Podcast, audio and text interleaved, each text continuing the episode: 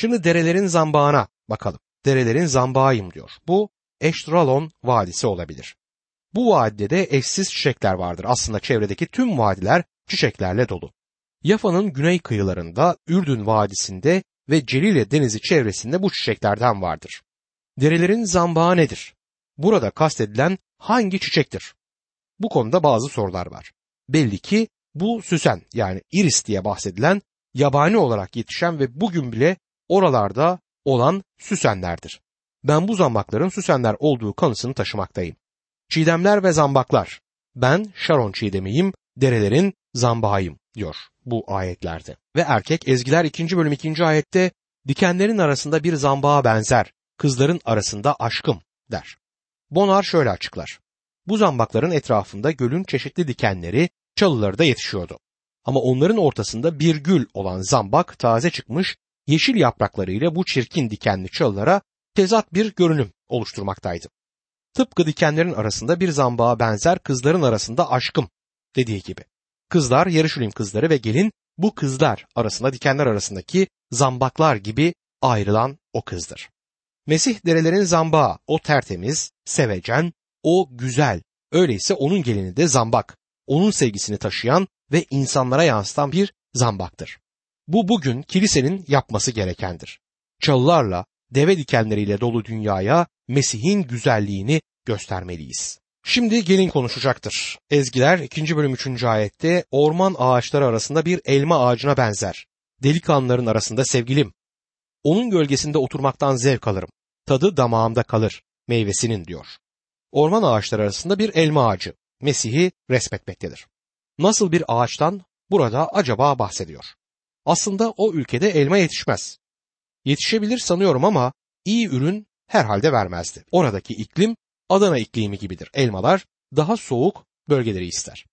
Adana'da da elma yetişir ama portakallar kadar güzel değildir. Burada sözü edilen bir tür narenciye olmalıdır. Muhtemelen de portakal.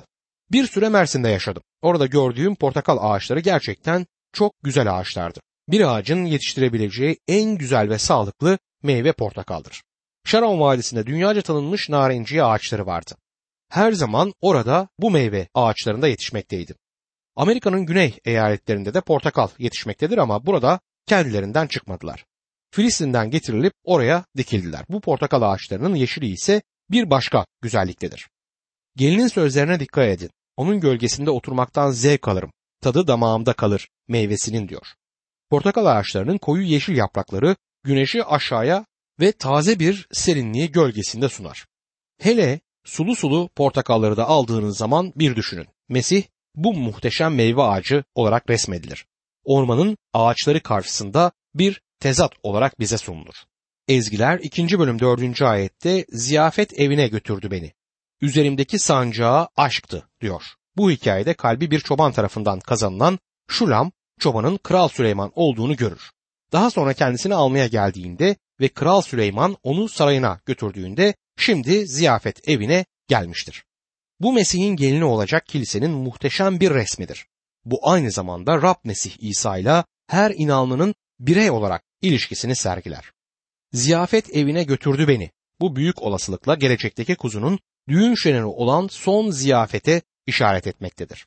Sen ve ben Mesih inanları olarak Tanrı'nın lütfu aracılığıyla orada olacağız. Orada her şey doğruluğa erişecek ve tatmin bulacaktır. Ama o şu an bana kurtuluş sofrasını kurdu ve onunla paylaştıkta olabileceğim masaya şimdiden oturabilirim.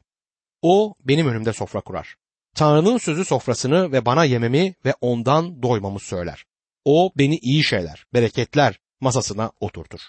Rab ne kadar iyi ve lütuf doldur değil mi? Gerilere Mesih İsa'nın doğumuna gidebiliriz ve onun doğumuyla bir grup insana anlatılamaz bir sevinç getirdiğini sizlere anımsatmak isterim. Tapınakta onun doğuşunu bekleyen Şimeon ve Hanna vardı. Mesih'i ölmeden göreceklerine ilişkin büyük bir umut içlerinde taşımaktaydılar. Günlerden bir gün Yusuf ve Meryem küçük İsa'yı tapınağa getirdi. İnanın o gün tapınak ziyafet evine döndü. Rabbin kurtuluşunu bekleyen o iki insan için orası bir ziyafet eviydi. Hatta bundan daha önce Yusuf ve Meryem ziyafet evindeydiler. Melek Meryem'e kurtarıcısının annesi olacağını müjdelediğinde Davut'un soyundan gelen kadının bu çocuğu doğuracağını anladı.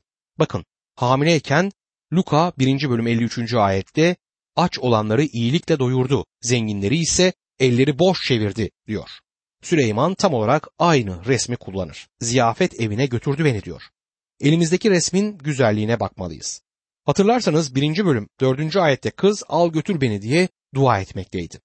Tanrı'nın ruhu bize açıklayıp gözlerimizi açıp göstermedikçe Mesih'in güzelliğini ve parlaklığını bilemeyeceğiz. Sevgili dostum Tanrımız bize büyük bir ziyafet hazırlamışken kayıp oğul gibi domuzların yediği keçi boynuzlarıyla karnımızı doyurmayalım. Diyor ki aşk sancağı, ziyafet evine götürdü beni, üzerimdeki sancağı aşktı. Aynı sancak bugün de üzerimizde dalgalanıyor. Sancak o günlerde birçok anlam taşıyordu. Ordular savaşa çıktıklarında sancak taşırlardı. Sanıyorum üzerimdeki sancağı aşktı dendiğinde sancağın tüm anlamını burası içerir. Bir ordunun sancağı örneğin Roma lejyonunun sancağı fethin işaretiydi. Tanrı oğlu hala ruhsal savaşa gider. İnsan ruhunda savaş bugün de sürmektedir. İsa Mesih hakkında duyduğum zaman Mesih inancını çürütmek için ne kadar uğraştığımı hatırlıyorum. Ama gerçekleri kavradığımda Rabbe evet dememek için ileri sürdüğüm bahaneleri de hatırlamaktayım. Yıllardan beri Mesih inancı hakkında duyduğum yanlış şeylerle bu insanların yanlış yolda olduklarını sanıyordum ve onların arasında olmak istemedim. İlgi duymak istemiyordum ama biliyor musunuz Tanrı yolu açtı ve bildiğim tek şey gerçeklerden kaçamadığımdı. Yüreğimde İsa için bir karar verdim. Rabbin benim üzerimdeki sancağı zaferin sancağıydı. Beni fethetmişti. Sancak aynı zamanda korumanın işaretidir. Rab İsa bu dünyaya geldiğinde Göksel Baba ona ilişkin sevgili oğlum budur. Ondan hoşnudum tanıklığını vermişti ve İsa'nın düşmanları saati gelene dek ona el süremediler. Çünkü İsa Mesih koruma altındaydı. Vakit dolunca İsa'yı yakalayıp haça gerdiler. Bunun ne korkunç bir olay olduğunu asla tam olarak kavrayamıyoruz. O saatlerde İsa Mesih Matta 27. bölüm 46. ayette Tanrım, Tanrım beni neden terk ettin diye bağırdı. Düşmanları Tanrı onu terk etmişse bundan böyle ona istediğimiz her şeyi yapabiliriz diye düşündüler. Alay ederek Matta 27. bölüm 43. ayette Tanrı'ya güveniyordu. Tanrı onu seviyorsa kurtarsın bakalım.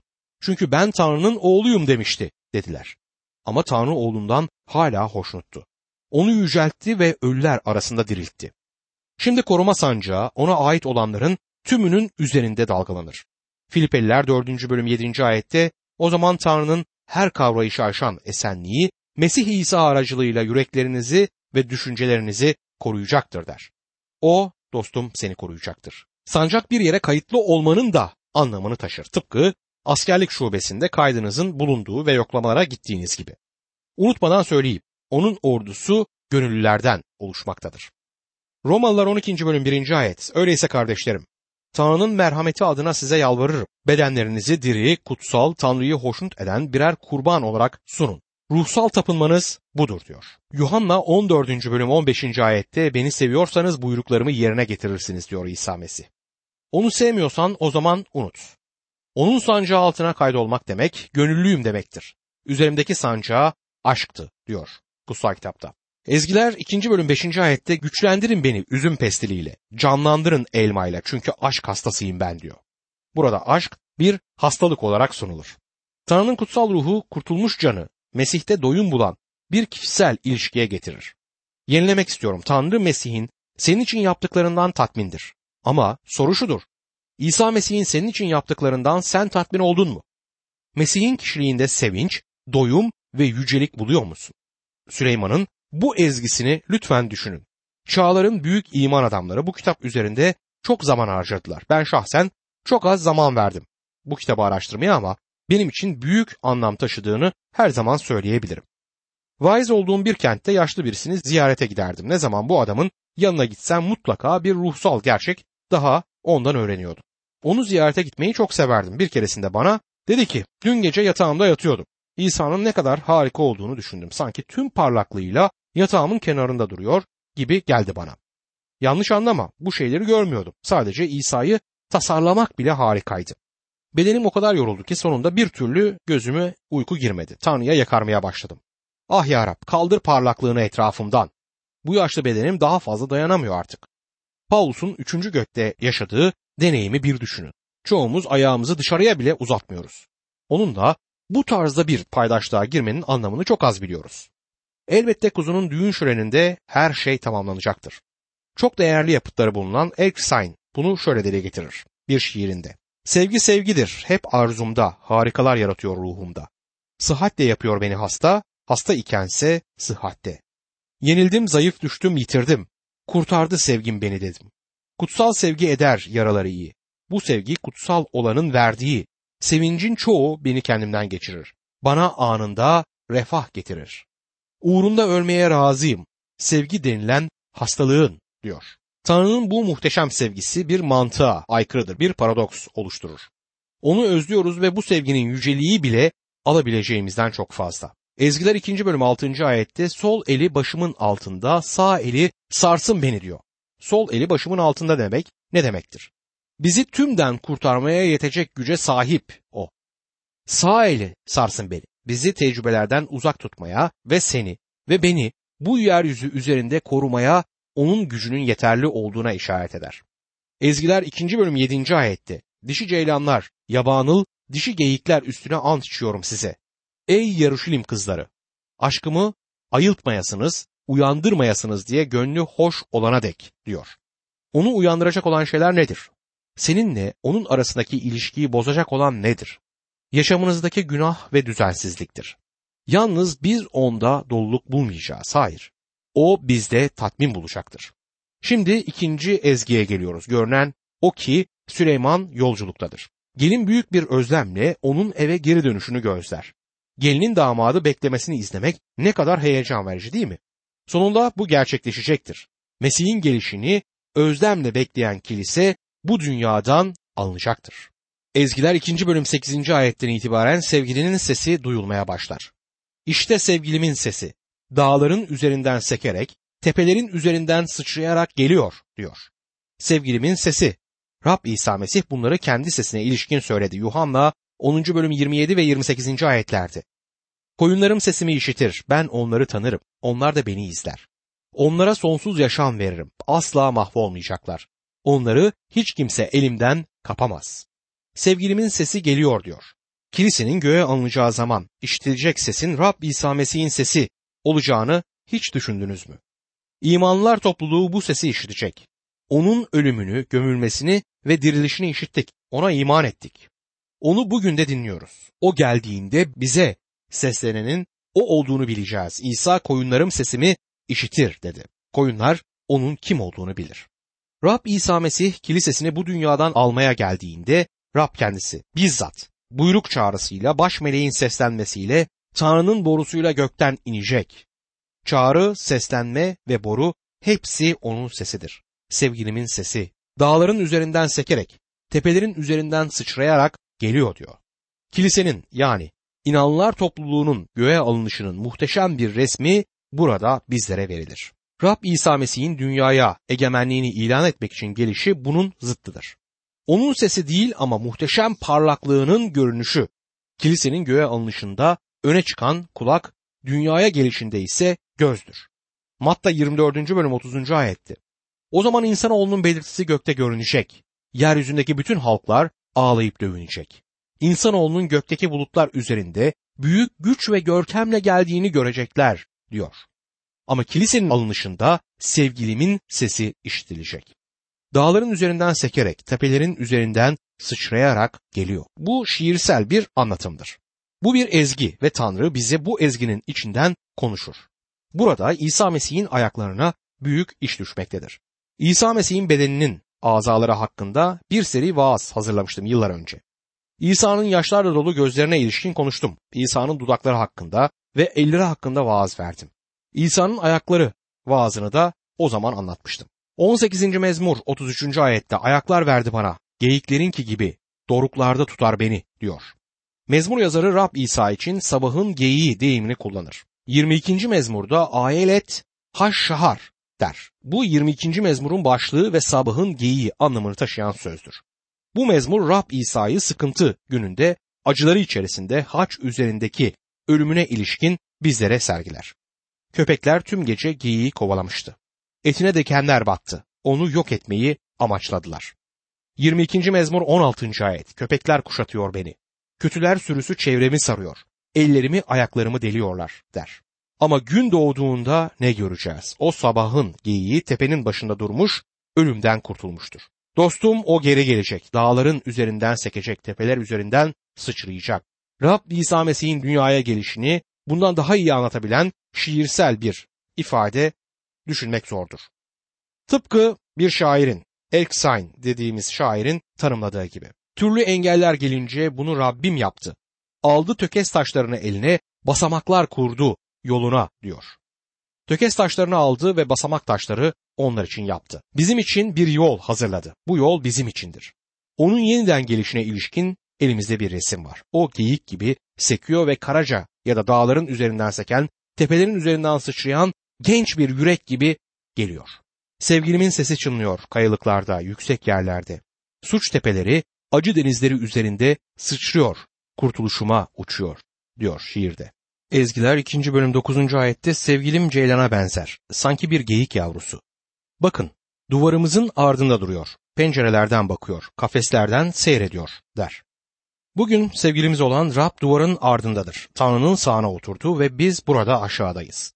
Tıpkı 5000 kişiyi doyurduktan sonra dağa çıkması gibi. Öğrencileri aşağıda Celile denizinde fırtınayla boğuşmaktaydılar.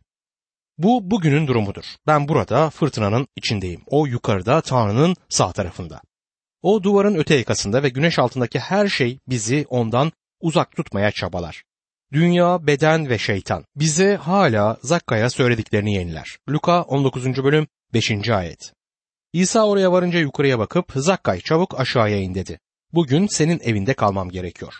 Hala bize gelmek istediğini, bizde konuk olmak istediğini söyler. Yaşlı ferisinin evine gidip onunla paylaştıkta bulunduğu gibi.